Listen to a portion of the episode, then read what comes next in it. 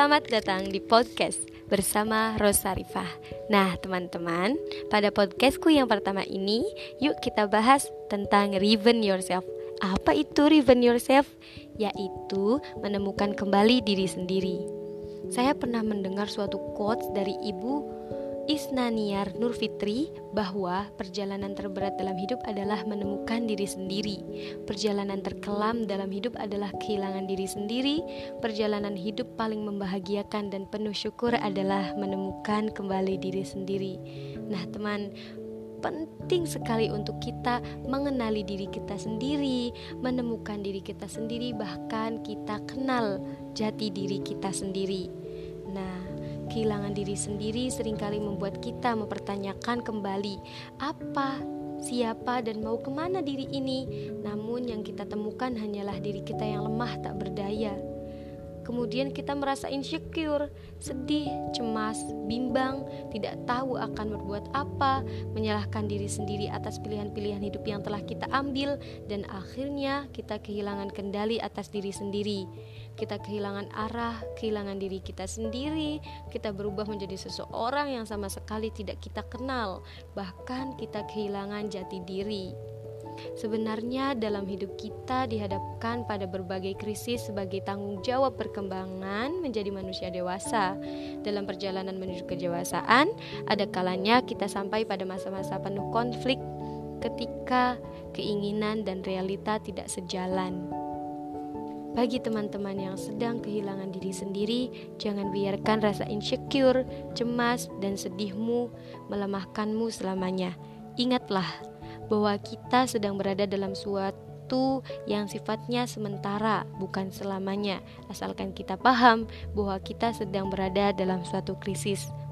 Selesaikanlah krisis ini dengan penuh kesabaran, bahwa kita mampu melewatinya. Teman-teman, hadapi dan temukan kembali dirimu sendiri. Ini dia cara untuk menemukan diri sendiri.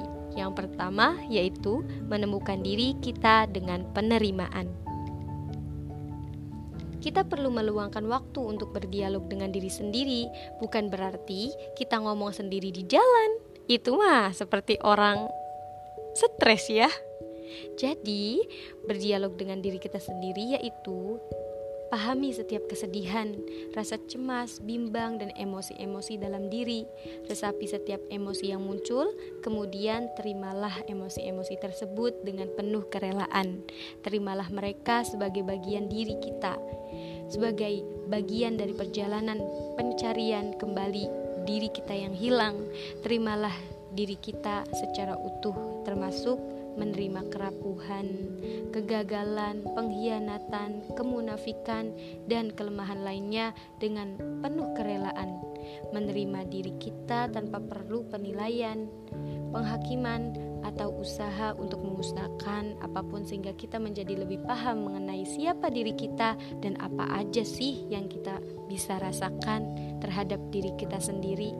Mulai sekarang berhenti insecure, yuk kita bersyukur kemudian menemukan diri sendiri dengan menerima diri kita seutuhnya, baik kelebihan maupun kelemahan.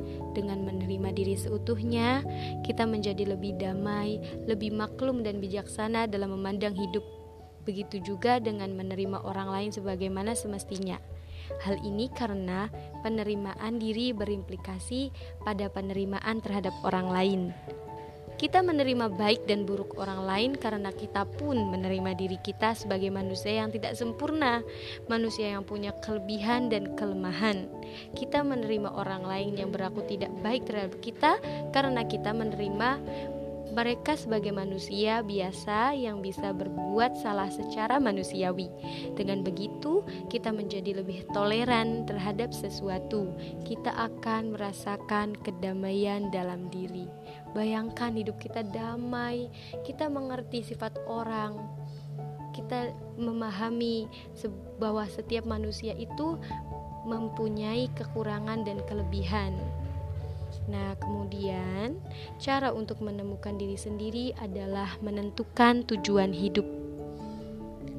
Nah, teman-teman, tujuan hidup adalah suatu yang sangat penting untuk kita semuanya. Coba bayangkan, sebuah kapal akan mantap berlayar ketika memiliki peta tujuan. Jika kapal itu tidak memiliki tujuan, kapal itu akan terobang-ambing saja di samudera, tidak tahu akan mendarat di mana, tidak tahu akan arah kanan atau ke kiri, barat atau utara. Kapal itu tidak akan mendarat, kapal itu tidak akan mendarat dengan tujuan yang benar. Begitu pula dengan diri kita kita akan mantap berjalan di atas roda kehidupan apabila kita memiliki tujuan.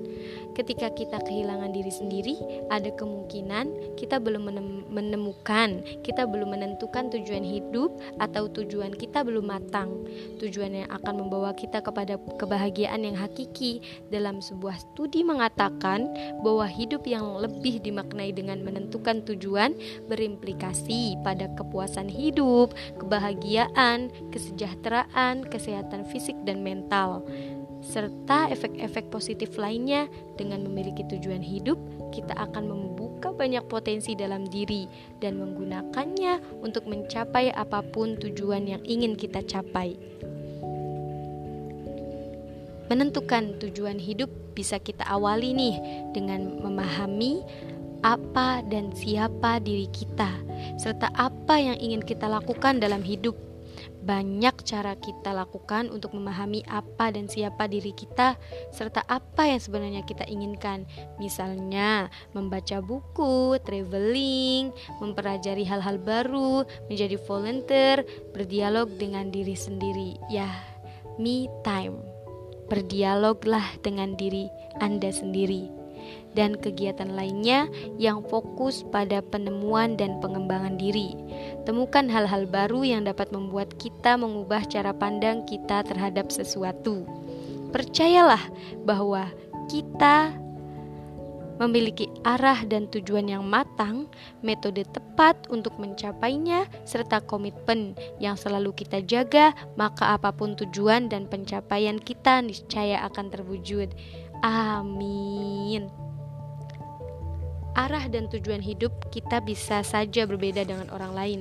Tidak masalah apabila teman dekat atau kerabat kita telah merasakan kebahagiaan mereka terlebih dahulu. Hal terpenting adalah fokus dan percaya pada diri sendiri.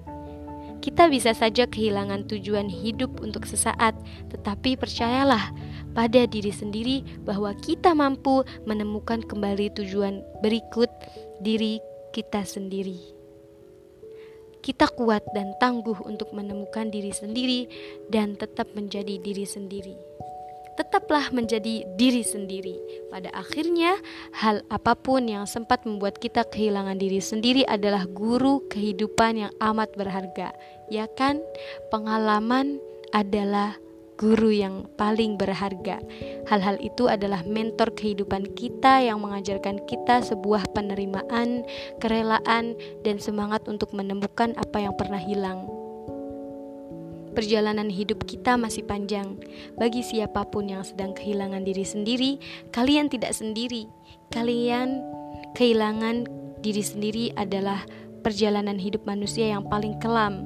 Tetapi jangan dulu menyerah pada hidup masih akan ada perjalanan hidup ke depan yang akan membahagiakanmu melebihi apa pun. Perjalanan yang akan membuat kita mensyukuri bahwa di hari ini kita tidak menyerah. Perjalanan itu adalah menemukan dirimu secara utuh.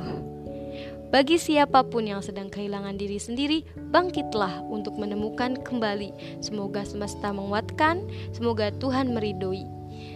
Cukup sekian episode kali ini. See you next episode. Bye bye.